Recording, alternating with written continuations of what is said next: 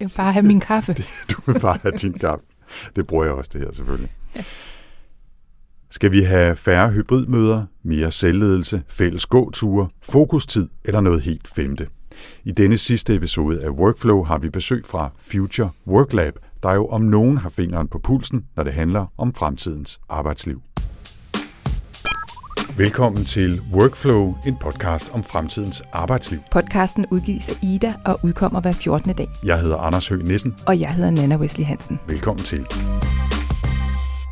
Inden vi går i gang med denne episode for alvor, så har vi lige en servicemeddelelse. Du lytter nemlig lige nu til den aller sidste omgang Workflow, som lukker og slukker med episode 31.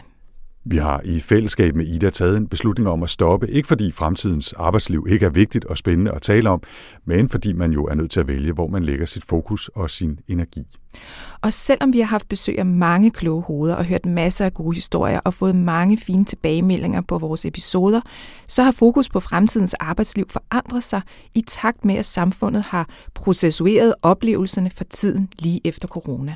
Det virker således som et godt tidspunkt at afslutte vores lille odyssé. Ja, jeg synes godt, vi kan kalde det en odyssé.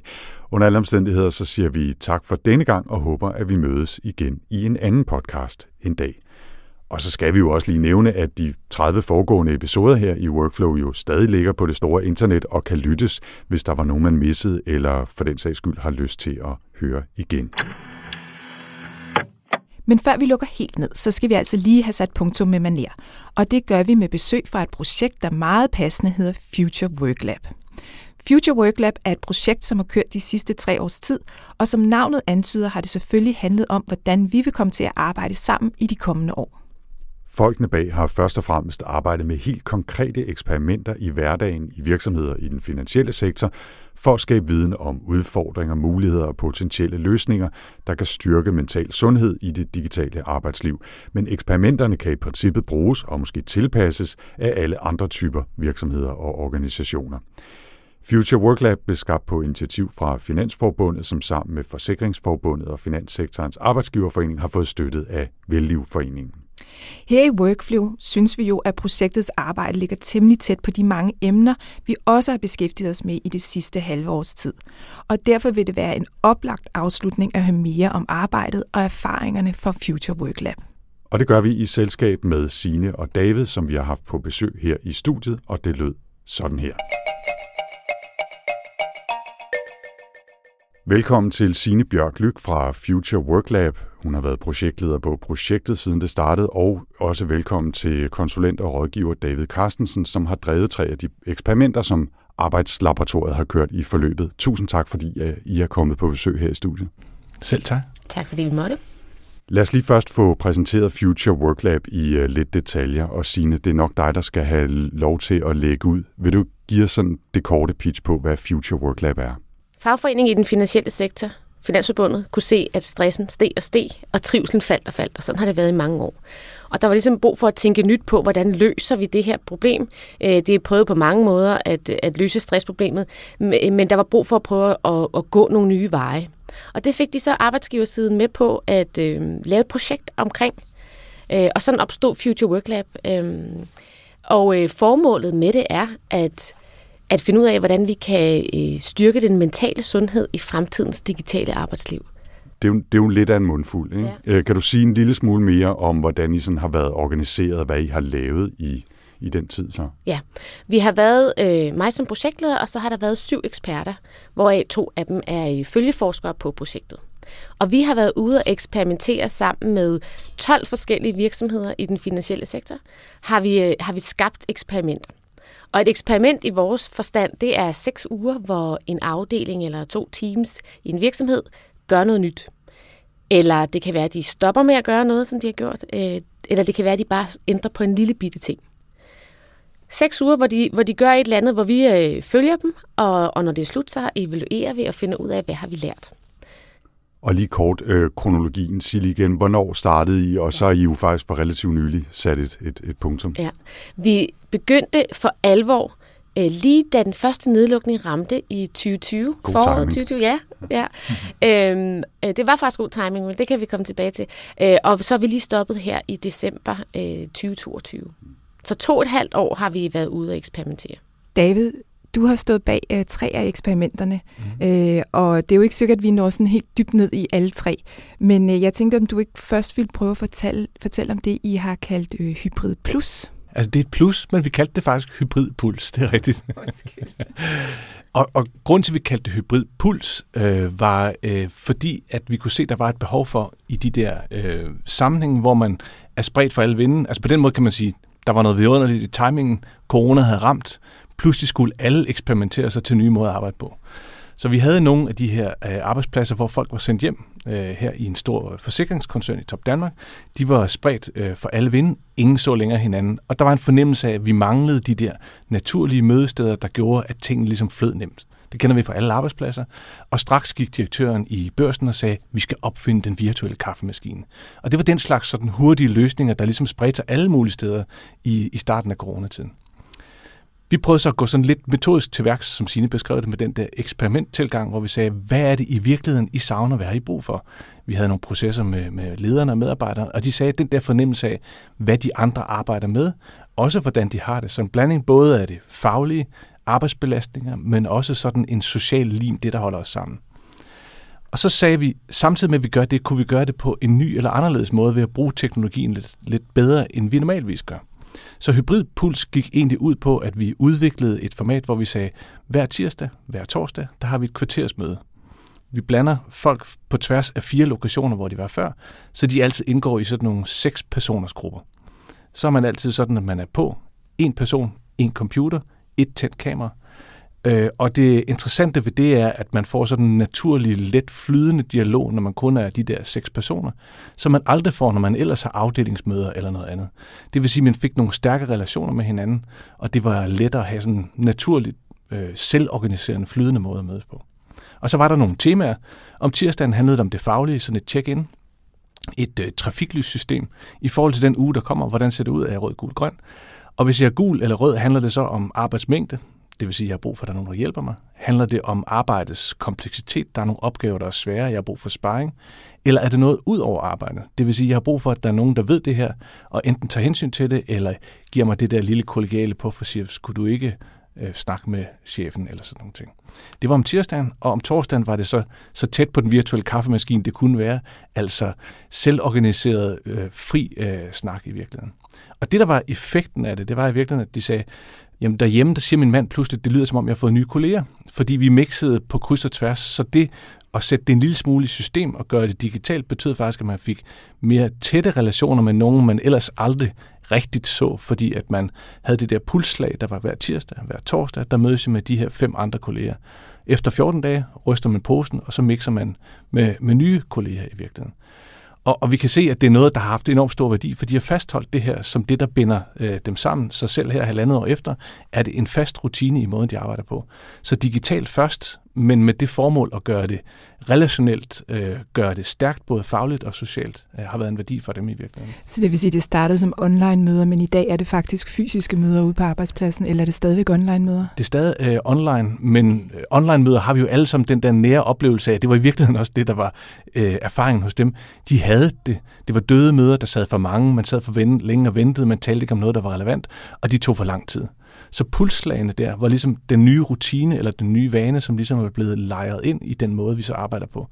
Og, og en af pointerne var selv, nu hvor man er tilbage på arbejdspladsen, så tvinger man sig selv ud i det kvarter, der skal jeg være hybrid.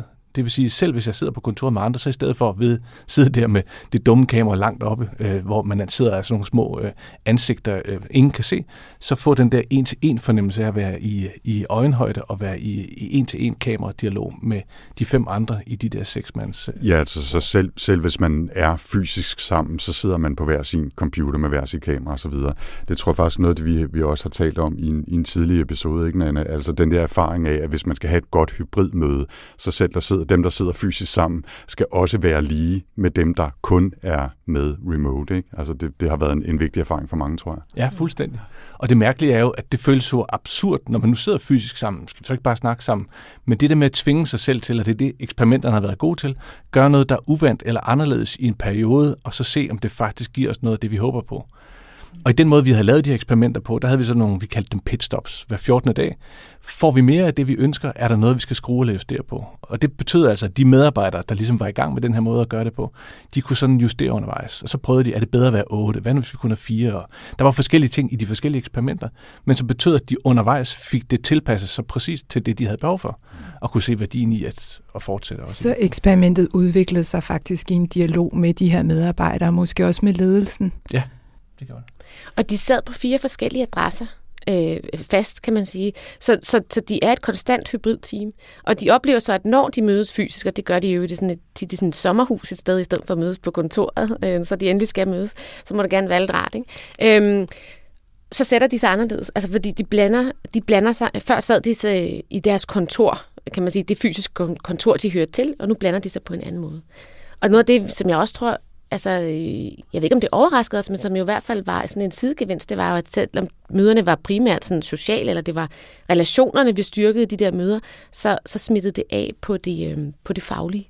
At de oplevede at det var nemmere at række ud til hinanden og spørge hinanden om hjælp til noget fagligt, fordi de både kendte hinanden, men også vidste, hvad hinanden rent faktisk sad med.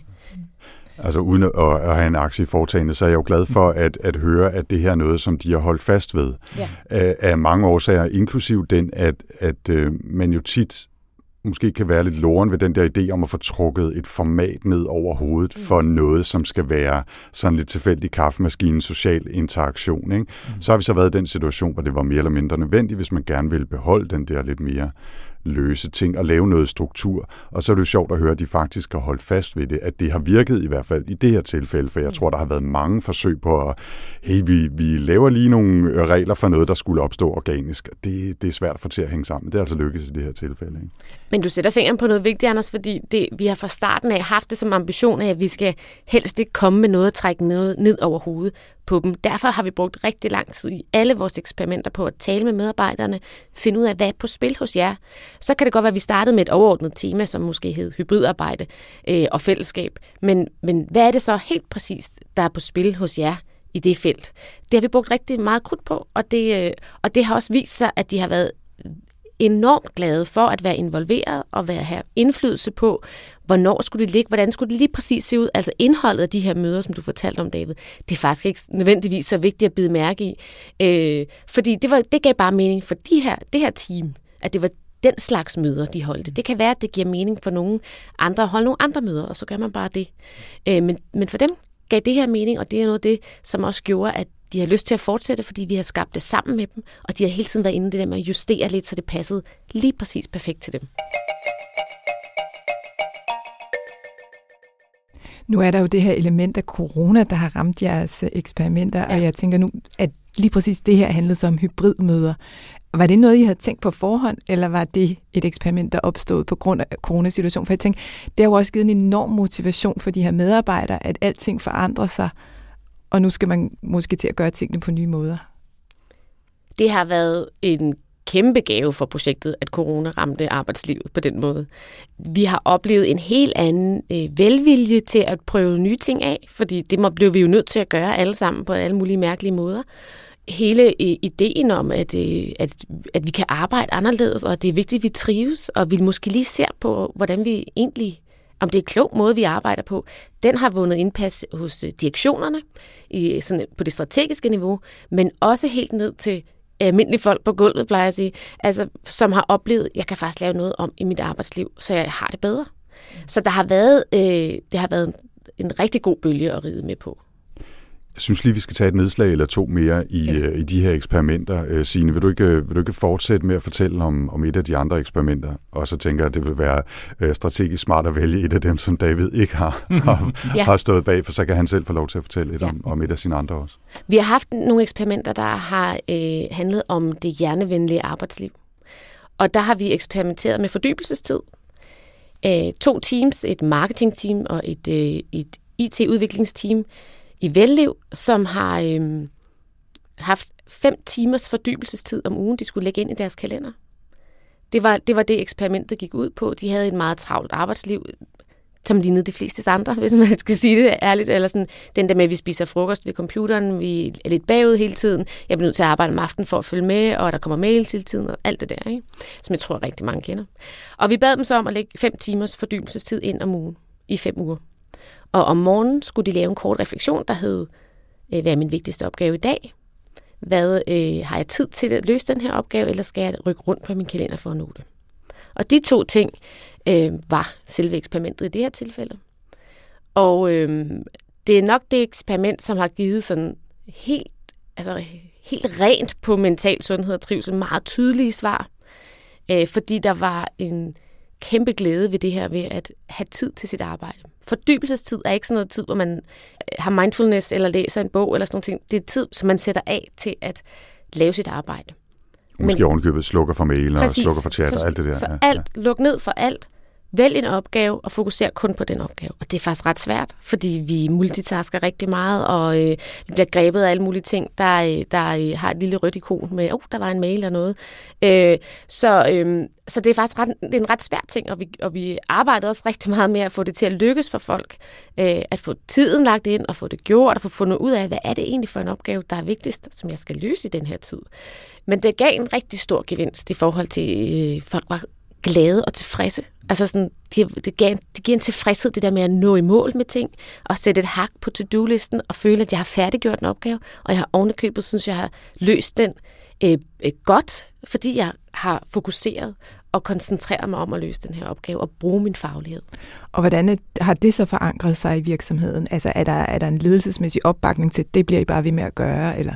Ja, det er der i de to teams, og det er der sådan set også i organisationen. Jeg tror ikke, de har fundet en løsning på det endnu øh, og brede det ud. Øh, men jeg ved, at de fortsætter. Jeg ved også, at der er nogen, der er faldet fra. Øh, I det her eksperiment havde de pulsure på, og vi fik lov til at øh, følge dem i noget tid efter øh, et par af dem, der havde pulsure på. Og vi kunne se, at, øh, at de stoppede med at, at lægge fordybelsestiden ind i kalenderen. Pulsurene var linket op til kalenderen, så man kunne kombinere de to. Og, øh, og samtidig kunne vi også se, at den effekt, vi har set på pulsurene under eksperimentet, var, at øh, stressen faldt, og energiniveauet steg i takt med eksperimentet sådan, øh, rykkede frem. Og det kunne vi se, at den, den effekt, den, øh, den fadede ligesom ud igen, som de, efterhånden som de ikke lagde fordybelsestid i kalenderen. Og nu er det jo ikke nødvendigvis en øh, fuldstændig øh, øh, solid videnskabeligt studie, men Nej. der er nogle indikationer i retning af, at der var en korrelation i hvert fald mellem øh, deres energiniveau, øh, som, som steg, og deres, deres stressniveau, som faldt, og så deres mm. fordybelsestid. Og vi kunne se ret tydeligt, der var en uge i eksperimentet, hvor deres øh, stressniveau Altså, vi kiggede kun på det aggregeret. Og, og det steg, hvor vi sådan spurgte, hvad, hvad skete der i uge 43? Jamen, der havde vi launch på et stort nyt IT-projekt. Så det kunne man simpelthen aflæse på medarbejderens kroppe, at der var et, en launch af et nyt IT-projekt. Det synes jeg på en eller anden måde er lidt vildt. Og, og et eller andet sted kan man sige, jamen det er jo godt nok. Altså hvis det kun er, kun i godsøjne er en uge ud af mange, hvor stressniveauet er højt, og altså, sådan, det er jo fint nok. Sådan må det være, gerne være en gang, men det er jo den der situation, hvor man kommer ind, og er det hele tiden. Mm der er farlige. Ikke? Jo, og så ja. det er også okay at have nogle, altså vi kunne faktisk også se i fordybelsestiden, der, det er ret krævende, og derfor var stressniveauet tit lidt højere, når de fordybede sig, men det betød så, at det var lavere om eftermiddagen. altså grund vi måske ikke nødvendigvis øh, ved, men måske det der med at have den der, jeg nåede det, jeg skulle i dag, jeg har nået noget vigtigt i dag, øh, og jeg har afsluttet det og sendt det afsted, øh, eller et eller andet. Det kan give den, den ro, som der skal til øh, hen ad eftermiddagen. Så, øh, så det handler jo om, at det gør, at man må gerne være i stress, men der skal også bare være noget restitution. Mm. David, jeg synes, øh, du skal få lov til at fortælle om et af dine eksperimenter mere, og så behøver vi heller ikke gå i detaljer med resten. Jeg kan måske lige indsparke og sige, at I jo selv har lavet jeres egen podcast, hvor I også fortæller om jeres arbejde, og det skal vi selvfølgelig nok linke til fra vores show notes, hvis man vil endnu dybere i detaljerne om de her og, og nogle af de andre eksperimenter. Øh, så, så det skal vi nok gøre. Men, men David, fortæl om et af dine andre. Ja, det er en god idé. Øhm, hvis man vil dykke dybt ned i den, så, så er der nemlig masser at lytte til. Der, der, der er mange af de her ting, der hænger sammen det der med at fordybe sig, skulle man tænke, jamen er det ikke det, man gør, hvis man er vidensarbejder? Hvad er det, der gør, at det er blevet utænkeligt? Altså den der fornemmelse af, at fremtidens arbejdsliv kommer snigende ind på os, og vi begynder at gøre ting som, hmm, hvorfor er det egentlig, vi gør sådan? Eller hvorfor føles det utænkeligt at fordybe sig? Et andet, hvorfor er det utænkeligt at holde en pause? Hvad betyder det? Et af de ting, øh, som var et andet eksperiment, vi kalder de skjulte målinger, er også noget, der er utænkeligt. Af en eller anden grund, så når vi arbejder digitalt, så er vi sovset ind i digitale systemer. Her er det et callcenter, det vil sige, at de sidder og tager imod alle mulige sådan nogle, øh, eller kundeservicecenter, de tager imod henvendelser fra kunder i en bank. Og de bliver naturligvis målt og vejet på alt, hele tiden. Øh, spørger man dem, hvad er vigtigst her i verden, spørger man deres chef, så siger de, det er kundetilfredsheden. Vi er der for kunden. Det, hvis man kun skulle måle én ting, burde det være det. Nå, men hvad måler I så på? Vi måler på alt muligt, fordi det er det, vi kan. Vi måler på, hvor længe er du om at have dine opkald, hvor længe er du om at, at, at afslutte det i virkeligheden. Når du holder pause, hvor, hvor præcis er du så i forhold til at være tilbage fra pausen, og så videre, og så videre, og så videre. Der er utrolig mange procesmålinger hele tiden. Og når du kan måle det, kan du optimere din produktion. Og det er jo interessant, hvis du har mange hundrede mennesker, og du ikke vil have folk til at sidde for længe i køen, for det ved vi, det bliver kunden utilfreds med. Så en afledt fornemmelse af, fordi vi gerne vil gøre kunden tilfreds, skal vi måle på alle mulige mellemregninger. Problemet er, at i den virkelige verden, der sidder vi og bliver enormt præget og stresset af alle de der mellemregningsmålinger. Så alle de der dialoger mellem ledere og medarbejdere kommer til at handle om mellemregninger og procesmål, i stedet for det, vi er der for, kunden i virkeligheden. Så sagde vi, hvad nu hvis vi gør det helt utænkeligt, at vi fjerner alle målinger, alle KPI'er, alt det der, vi plejer at måle. Ingen kan se dem. Din leder kan ikke se dem, og I kan ikke se dem i teamet. Hvad vil det så ske? Hvad for en form for dialog vil jeg have mellem leder og medarbejder? Hvordan vil det påvirke min egen oplevelse af arbejdet? Og det gjorde vi i den her seks ugers periode. Og de sagde det der med, at skuldrene kom ned. Men det tog tid ligesom at få målingerne ud af kroppen, fordi man har dem inde i hovedet stadigvæk. Nøjagtigt på samme måde, som hvis man har et pulsur, så har man fornemmelse af, i det øjeblik, der er noget, der bliver målt på mig, så begynder jeg lige at tage trappen op, fordi så bliver jeg belønnet, og så siger det bing. Og den måde bliver vi jo sovset ind i systemer på, som faktisk måske går hen og påvirker vores mentale sundhed, øh, uden vi egentlig lægger mærke til det. Der var en, øh, en af teamlederne, der sagde, jeg har hele tiden sagt, det med de her mål, det er ikke særlig vigtigt. Jeg prøver at sige, det skal vi ikke kigge på. Så det, at de så havde de her igen pitstops, hvor de debriefede med deres, øh, deres teamleder, sagde, øh, jeg blev overrasket over, at det fyldte så meget, når jeg nu har sagt, det ikke betyder noget. Og omvendt, når vi nu ikke har målene, hvad skal vi så snakke om? På teammøderne og i ledelsesdialogen.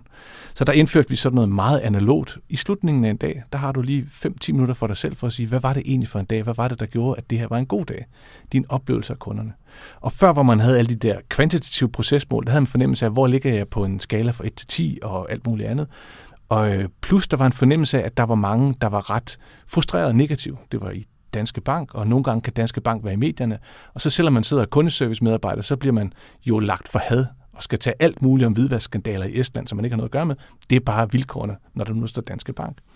Men ved at indføre så den der refleksionspause på slutningen af dagen, var der flere af dem, der sagde, jeg nåede faktisk at sanere en lille smule i min egen oplevelse af, hvad det var, arbejdet handlede om. Hvad var det, der gjorde, at jeg havde en god kundeoplevelse i dag? Jamen, det var den enke, der ringede ind, som var opløst af gråd, og det, fordi i det øjeblik, der er en, der dør, så skal man håndtere også pengesager herunder bankkonti og sådan nogle ting.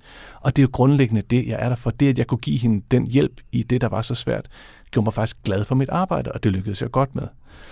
Og det betyder faktisk, at man får nogle andre dialoger med sin leder, øh, kollega til kollega, i stedet for at sige, øh, hvor, hvor mange kald klarer du i timen, eller alt muligt andet. Man får, for, for taget fat i det, øh, der er, er mening med det hele. Og vi endte så med at kalde det, i stedet for bare de skjulte målinger, så kaldte vi det i virkeligheden fokus på målet, og ikke på alle målingerne. Mm. Fordi der er en fornemmelse af, at vi risikerer at, at forskyde både vores snak og vores opmærksomhed på noget, der er forkert, fordi vi kan måle det i det her digitale arbejdsliv. Ikke? Jeg, jeg kan ikke huske den præcise formulering. Der er et eller andet godt amerikansk øh, øh slogan i den retning, som siger, lige snart man begynder at indføre måltal, så er det det, man måler, og ikke det, der i virkeligheden skal måles. Ikke? Mm, altså, øh, og det er, jo, det er jo et klassisk eksempel på det her. Man i virkeligheden gerne vil måle en kundetilfredsheden, så prøver man at finde en hel masse tal, der skal indikere det, og lige pludselig prøver det at være det, man arbejder for at opfylde, at lave x antal kald øh, i timen, i stedet for rent faktisk at gøre folk tilfredse, for nu at sige alt det, du sagde meget bedre øh, helt kort. Ikke? Ja, og, og amerikanere er jo gode til at sige det kægt. De vil sige sådan noget, altså gør det vigtigt målbart, i stedet for at gøre det målbart vigtigt. Mm. Og der er nemlig den der fornemmelse af, når først det bliver digitaliseret, så kommer der tal og data ud, mm. og dermed er det det, der går hen og bliver det, vi fokuserer på. Ja, ja. ja. Der er Dygtige, som vi er. Ja, der er også lavet store studier om sådan noget, også i forhold til offentlige sektormedarbejdere, altså hvordan man motiverer dem, og hvordan man kan lave skæve motivationssystemer, som gør, at øh, de i virkeligheden leverer noget helt andet, end det, der var mening. Men hvad hedder det? Vigtigt er det jo, altså er det stadigvæk også forankret ude i virksomheden, det her? Altså holder de fast i det? Kan de godt nære sig for øh, at skulle have nogle øh, hårde KPI-tal? For det er jo også dejligt for en ledelse nogle gange at have sådan noget. Altså det, der er interessant her, det er jo, at man godt kan have den ambition højt op i systemet, men undervejs ned igennem de forskellige hierarkiske lag, der tænker man, hvis ikke jeg har andet, så har jeg da i hvert fald nogle procestal, jeg kan tage med til det næste møde. Så selvom man egentlig godt ved, at det her, det skal vi ikke, så bliver det meget afhængigt af, hvad den enkelte leder synes, han eller hun ligesom har at have med. Øh, oven i det, så var der sådan en, en, en måling parallelt med det her, hvor vi kunne se, jamen, kundetilfredsheden, hvis den så blomstrede, mens vi glemte alle vores KPI'er, så ville det virkelig være godt. Hvis ikke man kan levere det argument inden for seks uger, så har man ikke det der proof of concept, der siger, så det kører vi ud over hele banken. Det kunne vi ikke. Øh, men det viste sig så, da vi kiggede lidt nærmere på tallene, at det var faktisk ikke så sort-hvidt et billede. Så den første umiddelbare øh, refleks var, det her, det skal vi ikke. Men jo, der var alligevel en effekt. Men så er det igen, meget afhængigt af den enkelte leder, om man synes, det her det er en måde at køre videre med det på. Så den ene teamleder sagde, det har enormt stor værdi for mit team, og den her måde at have dialogerne på. Så det er meget vigtigt for mig stadigvæk at kunne gøre noget af det her. Mens andre teamledere tænkte, ja, jeg har stadigvæk brug for at have de der tal, fordi også nogle medarbejdere synes, det er rart at have et eller andet tal ud fra. Og så var der jo den der, hvis du nu skulle kun skulle vælge et måltal, hvad vil så det være det vigtige? Mm. Øh, fordi at, øh, så, så kan man jo også selv være med til at styre, hvad vi taler om, og ikke bare alt det der, som der kan måles, så derfor ved jeg ikke præcis, hvad der er, der dukker op i den næste en-til-en samtale. Ikke? På et tidspunkt i projektet, der havde vi det sådan, fint nok, at vi har eksperimenteret med de her. Vi har lavet fire eksperimenter på det tidspunkt, tror jeg. Øh, fint nok, det er der fire virksomheder, der har fået glæde af. Men kan vi teste vores koncepter, så andre, kan andre bruge dem? Kan andre tage dem og bruge dem? Fordi vi har brugt rigtig lang tid på at tilpasse lige præcis det her eksperiment til Danske Bank. Så kan andre overhovedet tage og, og, og gøre det samme og få noget ud af det. For det var det, vi også gerne ville med det her projekt, det er at, at sprede den viden og den læring, vi skabte til alle, der kunne være interesseret. Så, så vi gik i gang med at prøve at finde ud af, hvor, hvor bæredygtigt er det her koncept, vi har lavet. Kan andre tage det og bruge det, også uden at have et hold eksperter og en projektleder øh, på siden. Så vi, satte, øh, vi spurgte ud, og der var øh, en team i Nets, som gerne ville gentage lige præcis det her eksperiment med at skjule målingerne. Og de har gjort det samme øh, på, på mange måder, tilpasset det til deres hverdag. Og øh, der er sket det, at de er gået fra ni målinger hver dag til to målinger hver dag. Det har de fået lov til i det her kundeservice-team, fordi de kunne bare se, at det var, altså, det var faktisk ikke vigtigt med alle de der mål. Øh, og de gjorde egentlig noget dårligt de der to mål der, de er vigtige. Og det var også fint nok at have det at rapportere op i systemet øh, med. med. Og det ved jeg, det har været helt op i, i hos, hos direktøren og blev godkendt, at man skærer ned til to mål. Så på den måde, øh, det kan godt være, at Danske Bank ikke har implementeret det. Det har egentlig aldrig været vores mål at at de her ting skulle implementeres. Øh, øh, men det kan vi vende tilbage til. Men, men, øh, men det har bredt sig og det har inspireret nogle andre. Og, øh, og det, det var rigtig dejligt for os at se, at de godt kunne bruge det i net, fordi så betyder det måske, at vi kan, kan sende konceptet ud i verden. Og nu siger du, at vi skal vende, kunne vende tilbage til det mm. øh, senere, Sina. Det synes jeg bare, vi skal gøre, ikke? Ja. fordi en af de ting, I har arbejdet med i, i projektet hedder Future Work Lab, det er jo, I for det første har lavet nogle guides, som beskriver de her eksperimenter, som I har udviklet, som man som organisation eller virksomhed kan, kan overtage og i en eller anden grad tweake lidt og tilpasse. Og så har I øvrigt også lavet en, en form for vejledning til, hvordan man kan udvikle sine egne eksperimenter. Men hvis nu lige starter med det første først, altså hvad er det for nogle øh, ting, I har forberedt, som man kan øh, tage fat i og arbejde med? Vi har lavet et redskab på hvert eksperiment, så man kan gå hjem og prøve det i sin egen organisation. Men vi har været sådan lidt Øhm, ja, det har været sådan lidt øh, dobbelt, ikke David, øh, omkring det der, fordi, vi har, fordi vi har, det har været en vigtig del af vores metode, at det har været tilpasset det enkelte team. Så det at gå ud og sige til andre, så nu kan I bare gå ud og kopiere det, det, det er jo selvmodsigende.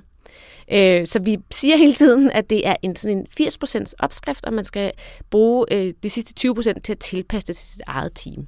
Så lad være med at sluge det råt og bare tænke, jamen, så får vi helt samme effekt, for det vil givetvis ikke ske. Øh, fordi i er et andet team, i en anden virksomhed, et andet sted i livet. Øhm, så, så brug det som inspiration og gør nogenlunde det, men, men tilpas det. Er det, øh... det kan man sagtens sige. Og det, tilbage til det første spørgsmål, også omkring corona som det store naturlige eksperiment. Hvad nu, hvis vi arbejder anderledes? Og der var der sådan en, vi skal bare stjæle løsninger, det andre gør. Øh, men hvis ikke man har en begrundelse for, hvorfor man gør, som man gør, så risikerer det ligesom at falde enten på stengrund, eller man forlader det ret hurtigt igen. Det kan man jo sidde ud og tænke over. Hvad var det egentlig, vi gjorde anderledes under corona, og er vi nu bare røget tilbage til normalen? Og det er lidt det samme her. Hvis man nu bare tager en løsning, andre har gjort, uden at finde ud af, hvad er det egentlig, de mål gør ved os? Hvad vil være det vigtigste for os at ændre på? Øh, hvis man har den begrundelse eller den proces omkring det, det er de 20 procent, Signe taler om, så kan de her eksempler være enormt gode at lade sig inspirere af. Men hvis ikke man ulejliger sig med det, så risikerer man bare at kopiere noget uden at helt vide, hvad for, hvorfor og få det forankret, og derfor er det ikke interessant. Jeg tror, det er, en, det er en ret klassisk ting, det der med, at man både, altså både i privaten virkeligheden og også øh, i, i mange virksomheder og organisationer ser et eller andet, som har haft øh, øh, givet succes et andet sted. Og så prøver man at kopiere det en til en, og opdager, jamen der var altså nogle ret unikke omstændigheder i de andre, øh, de andre situationer, som gjorde, at det blev en succes. Man blev nødt til at tilpasse det øh, sit eget. Nana? Men hvad er det så for nogle elementer, som I måske kunne fortælle andre, man skal være opmærksom på i forhold til at vurdere et eksperiment ud fra? Altså man kan sige, man skal starte helt grundlæggende med, hvad er det egentlig, vi godt kunne tænke os skulle være anderledes. Det der med at turde drømme en lille smule på fremtidens vegne, på andre, egne vegne. Øh, hvad er det, som, og, og oven i det, hvad er det, vi tænker i dag er lidt utænkeligt? Øh, og hvad er grunden til, at det egentlig er utænkeligt? Jamen det er utænkeligt, at vi ikke har nogen tal. Hvorfor? Hvad er det egentlig, tallene gør godt for? Det er utænkeligt, at vi ikke holder møder. Men hvorfor? Hvad nu hvis vi? Og så videre, så videre. Så identificere behovet og gøre det i en proces, hvor det er lige så meget de medarbejdere, der skal arbejde med det, der er definerende, som at det kommer fra en HR-afdeling. Så vi går meget lokalt til værks, gør det helt lokalt og småt, finde ud af, hvad er det, vi drømmer om kunne være anderledes. Og så gør det tidsafgrænset, sige, det er ikke værre, end at vi prøver det af i seks uger, og i de seks uger, der gør vi det, at vi lægger sådan de her pitstops ind, så hver 14. dag, der siger vi, er vi i retning af noget af det, vi drømte om eller ønskede at opnå? Er der noget, vi skal skrue på? Og så tager vi lige to uger mere, og så tager vi et pitstop mere, og så på den måde. Mm. Og det gør, at det er overskueligt. Det er en lille smule, det lyder forkert at kalde det lejende, men det er i hvert fald øh, afsøgende eller undersøgende og afprøvende, så man bliver klogere både på, hvad er det, vi forestiller os kan lade sig gøre, og hvad er det, vi gør nyt, som faktisk viser sig at have en effekt, som enten er i retning af det, vi håbede på, eller bare er et fejlskud, så lad os gå tilbage eller gøre noget andet på en anden måde. Ikke? Og hvordan måler I de her effekter? Altså det bedste mål er jo blandt andet de her øh, pitstops i virkeligheden, fordi hvis man som medarbejder har sagt, det jeg ønsker at opnå, det er i virkeligheden, at jeg oplever, at jeg forklarer mine opgaver øh, mere flydende og mere let, og faktisk også kommer i dybden og har skuldrene nede, eller hvad det nu end kan være, øh, så vil hver medarbejder jo have sine egne succeskriterier eller evalueringskriterier, når man så øh, øh, evaluerer på det, øh, altså hver 14. dag i virkeligheden. Ikke? Øhm, og så kan man sige, at i det omfang, man sætter det større op, kan der godt være nogle succeskriterier sådan på, på virksomhedsplan, eller sådan som ledelsen også siger, hvad er det, vi ønsker at opnå med det her. Men, men øh, pointen er i virkeligheden, at det skal være relativt frisættende og, og undersøgende for at finde ud af, at vi bliver klogere på fremtiden, mens vi prøver nogle nye ting af, end at sige, at vi har en på forhånd defineret succes, som vi enten kan sige, yes, vi nåede det, eller vi nåede det ikke. Mm. Øhm, så det har været essentielt i, i vores tilgang til det. Nu nævnte jeg før, at I, I har lavet en, øh, en, en guide til de her eksperimenter, øh, øh, skjulte målinger, og der er også et, et godt et, der hedder Kollega to Go, som er en dejlig titel, ikke? Og, og, og så videre. Men jeg har også tænkt over, øh, i virkeligheden en fortællelse det, du lige sagde, David, hvordan man kan udvikle sine egne eksperimenter. Det, det tænker jeg, det er nogle af de, de grundregler, du, du nævner her, men er der, er der andre gode råd, I kunne give, øh, før vi ligesom runder den del af til virksomheder, organisationer, ledere og eller medarbejdere derude, der gerne vil gå i gang selv med at udvikle eksperimenter, som er helt anderledes end dem, I har lavet? Altså, jeg gentager lige, gør det for at lære noget, ikke for at få et eller andet bestemt implementeret eller til at virke. Det er meget afgørende for den grundstemning, man går ind i det øh, øh, i eller med. Øhm, så er det vigtigt, at det er tidsafgrænset, som du også lige sagde, David. Øh, sæt en tydelig stopdato på og lave en klar evaluering. Vi har implementeret tusind ting og prøvet noget af, som aldrig er blevet evalueret. Og, og det gør simpelthen, at folk er lidt trætte af det der med, at vi prøver noget af, og, uden at det er fundet ud af, hvad, hvad skete der egentlig med det. Ikke? Så er det vigtigt, at man gør det sammen. Ledelsen og medarbejdere. Det har været afgørende i det her projekt, at både ledelsesiden og medarbejdersiden har været med på at prøve noget nyt. Og at, og at det er sammen, man, man designer det her. Øh, og finder ud af, hvad er det for en drøm? for, øh, om et arbejdsliv, vi egentlig har her, og hvad skal vi så prøve af? Og så gør det konkret. Altså man kan sige, hvis der er én ting, vi har, vi har gjort her, så er det, man sige, skralde så meget væk som overhovedet muligt, gør det knusende enkelt. Øh, fordi hvis ikke det er enkelt, så er det svært at have lyst til at prøve af, samtidig med, at man skal alt det andet. Øh, så forenklingen er faktisk et ret afgørende greb, øh, synes jeg, i meget af det, vi har lavet. Det er det, og altså, vi må ærligt indrømme, at i starten, øh, altså projektet var slået stort op på mange måder. Future Work Lab, ikke? dejlig engelsk øh, titel der. Og så kom vi sådan ud af det første eksperiment, vi lavede, var Kollega to Go, hvor vi sendte medarbejderne ud og gå en tur to gange om ugen, 30 minutter med en tilfældig udvalgt kollega. Og det er jo på en eller anden måde ikke rigtig nyt, vel? Altså at gå en tur. Det er, det er i hvert fald ikke så store armbevægelser, kan man altså, sige. Så det var sådan lidt, åh, oh, okay. øhm, men, men, men det var bare det, som vi synes, de havde, altså, som, som vi havde hørt, at de havde brug for. Og det havde en kæmpe effekt. Øh, så vi stod sådan lidt, det er lidt sjovt, ikke? Øhm, det var en meget lille ting, men det havde en ret stor effekt. De var voldsomt glade for det. Øh, så kom Hybrid Puls. Igen, to møder af et kvarters varighed. Ikke sådan igen groundbreaking, men det havde kæmpe effekt. Det der team var super glade for det. Så begyndte vi sådan, du ved, at have den der fornemmelse af, der er noget på spil her i det her. Og, og, og det, som vi opdagede, var, at de her små forandringer, mikroforandringer, som man kunne kalde det, de har ret stor effekt på trivsel øh, og motivationen, fordi det er ting, der rent faktisk gør en forskel i vores hverdag. At gå en tur med en kollega gør en forskel. At direktionen har besluttet en eller anden ny øh, strategisk øh, handleplan eller et eller andet nedsat en arbejdsgruppe et sted, gør ingen forskel for min hverdag. Øh, så, så det fylder ikke så meget. Men de der små ting, som at gå en tur, eller holde det der møde, eller nogen har, øh, har lavet om på kaffemaskinen, alle sådan nogle ting, det er faktisk det, som påvirker os rigtig meget. Så, øh, så, så det var det, vi også endte med at sådan sige, at jamen, formålet med det her projekt har også været at eksperimentere med nogle små forandringer, som vi ikke troede, vi kunne gøre, øh, eller som vi ikke havde mod til at gøre, hvis ikke det var sådan lidt i et eksperimentsetting. Nu, jeg, jeg har lovet, at jeg skulle prøve at komme med one-liners. Jeg tror, der er, mus- Nå, der er muligvis en her. For det første skal det være forankret. Det vil sige, at det skal være ledere og medarbejdere, der gør det sammen. Hvorfor det er vigtigt for os. Og for det andet, så skal det være forenklet. Fordi hvis ikke det er forenklet, så kan det ikke formidles. Så måske er det sådan en 3F-model i det her. Ikke? Altså forankret, forenklet og formidlet. For du kan ikke formidle noget, der ikke er enkelt nok. Og du kan ikke øh, sætte gang i noget, som ikke er noget, vi har taget ejerskab til, eller vi synes er vigtigt nok, at vi skal gøre. Ikke? Jeg tror havde... teknisk set, det var en three-liner. Det men okay, du får den. Ja. Vi havde faktisk et eksperiment, vi lukkede, fordi det var for fluffy. Altså fordi det ikke var konkret nok. Øh, så, så, så det gav bare ikke mening for folk, for det var sådan lidt lavt en plan for, hvordan du vil håndtere dine compliance-opgaver på en måde, som er for sådan, hvad er det egentlig helt præcist, vi skal, ikke? Øhm, så, så det stoppede vi simpelthen igen efter et par uger, fordi det bare ikke gav mening. Men skulle vi ikke prøve lige at løfte blikket lidt, og så også tale lidt om, øh, om fremtidens arbejdsliv?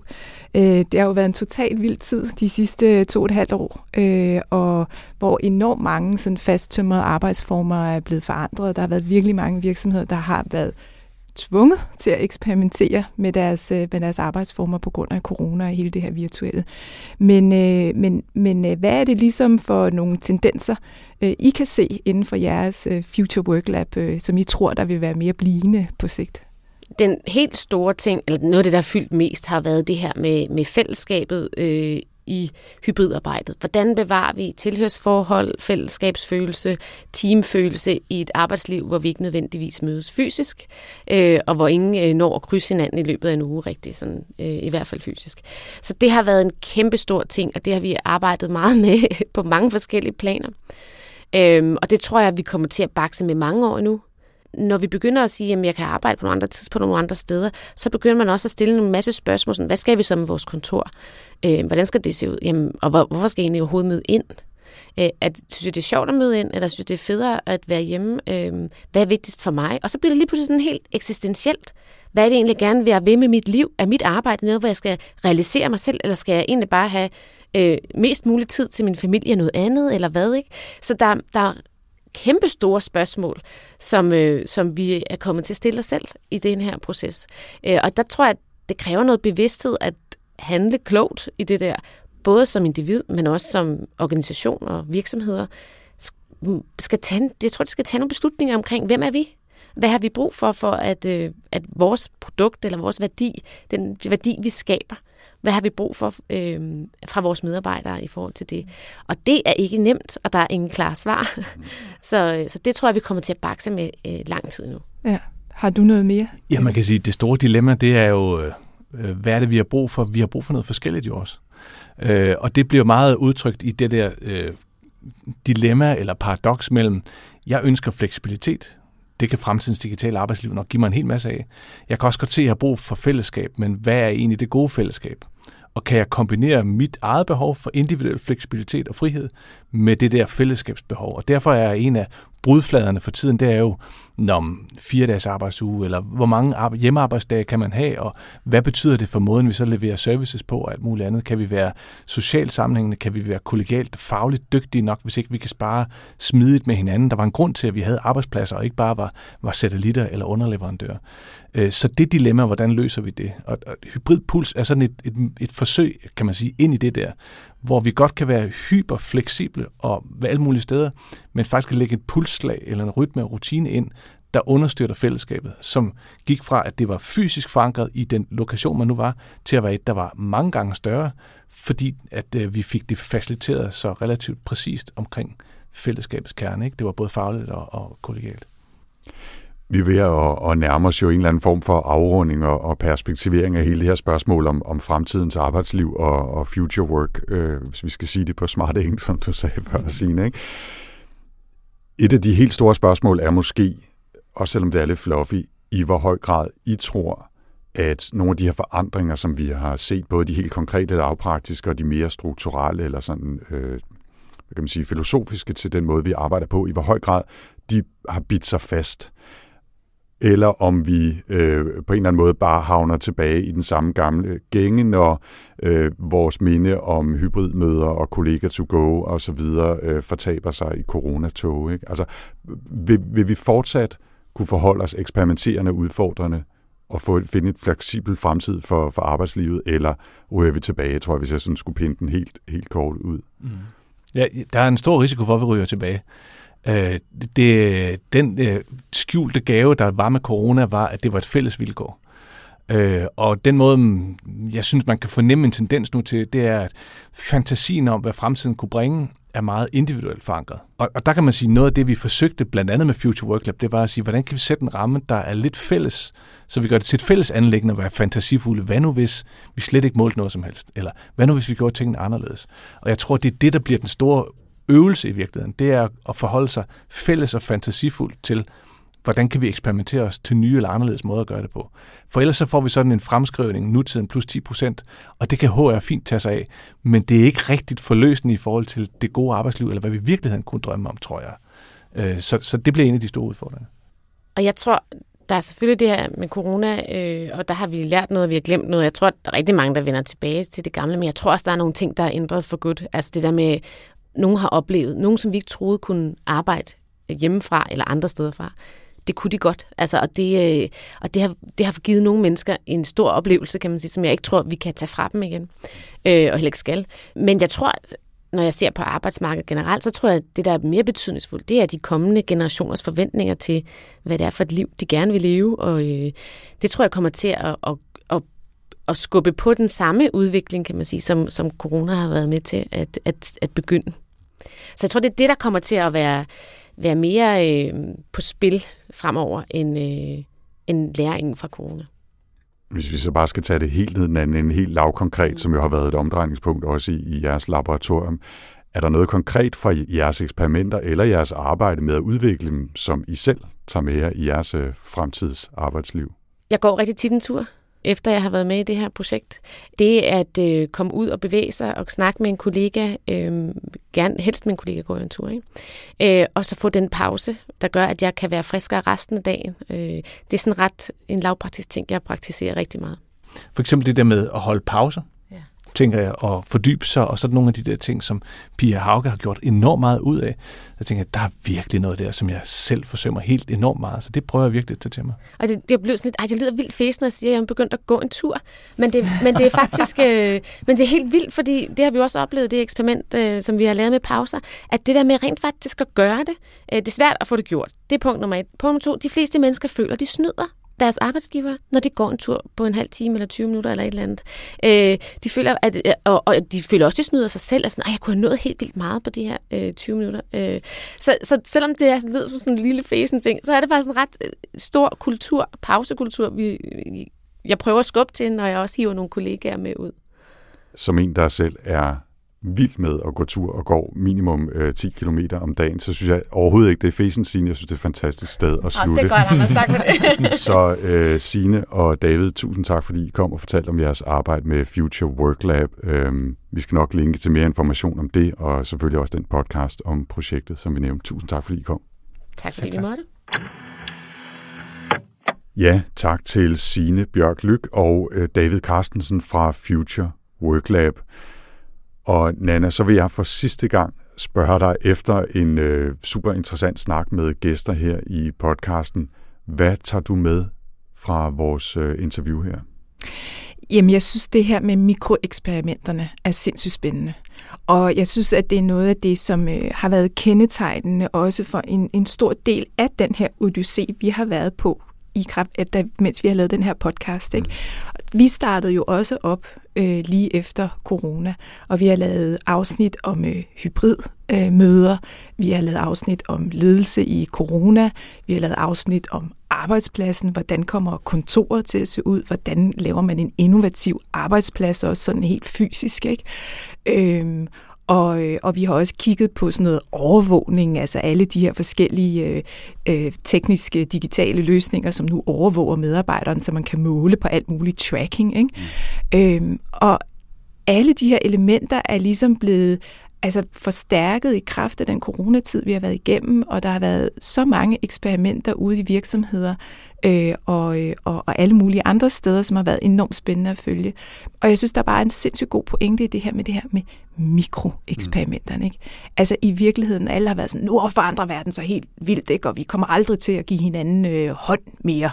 Jo jo, det gør vi, og vi sidder tilbage på den samme arbejdsplads, ikke? Dødkedeligt inde på kontoret, vi har kaffen med, alt muligt, der er ikke sket en skid.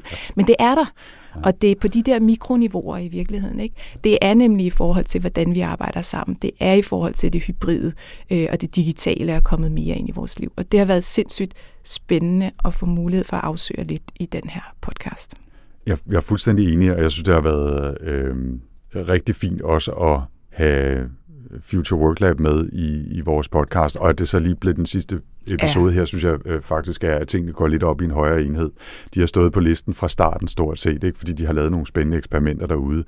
Nu øh, passede det så lige med, at de kunne komme på besøg her i studiet øh, i vores sidste episode, hvor vi også selv føler, at det er relevant at, at gøre lidt status, kan man sige. Øh, ikke så meget over podcasten selv, men over, hvad det er for en udvikling, vi har været igennem. Og det er, jo, det er jo slående, at mange af de ting, som vi har haft episoder om, altså flow og hybridmøder og tidsplanlægning og øh, indretning af arbejdspladser, som du siger, og så selvfølgelig også noget med fagforeninger og løn og alt det andet, som det vi jo også som, består. som også består nemlig og fortsat vil være en vigtig del af fremtidens arbejdsliv altså, der var så meget resonans imellem de ting, vi har beskæftiget os med, og de ting, de har beskæftiget sig med, at det, at det føles lidt som om tingene gik op i en højere enhed her til sidst. Ikke? Absolut, og så har det været et dejligt samarbejde. Så tak, og tak til lytterne for at lytte med. Ja, for pokker. Altså, tak til dig, Nana. Det har været absolut fantastisk at arbejde sammen med dig. Øh, tak til jer derude også, som, øh, som har lyttet med, og tak til Ida selvfølgelig også ja, for, at, for at have lanceret det her projekt sammen med os. Øh, også selvom det slutter nu, så er alle glade for det, der er kommet ud af det. Så, så det skal vi også huske at sige. Ikke? Men, men ja, det har, været, det har været super sjovt at lave, og øh, jeg er sikker på, at øh, vi mødes igen en anden god gang. Både os to, Nana, og os og jer derude, der lytter. Så tak for det. Og så er der ikke mere i denne episode af Workflow. Og det er altså også samtidig slut for hele podcasten, som sætter punktum her med årets udgang. Hvis du vil vide mere om podcasten og måske lytte til nogle af de tidligere episoder, så kan du besøge vores hjemmeside på ida.dk-workflow. Workflow bliver, eller blev, produceret af Podlab og udgives af IDA, Danmarks Fagforening for Digitale Hoveder, Naturvidenskabsfolk og Ingeniører. Jeg hedder Anders Høgh Nissen. Og jeg hedder Nana Wesley Hansen. Skal vi prøve sammen, Nana, den sidste? Ja. Farvel, Farvel og, og tak, tak for, for denne gang. gang.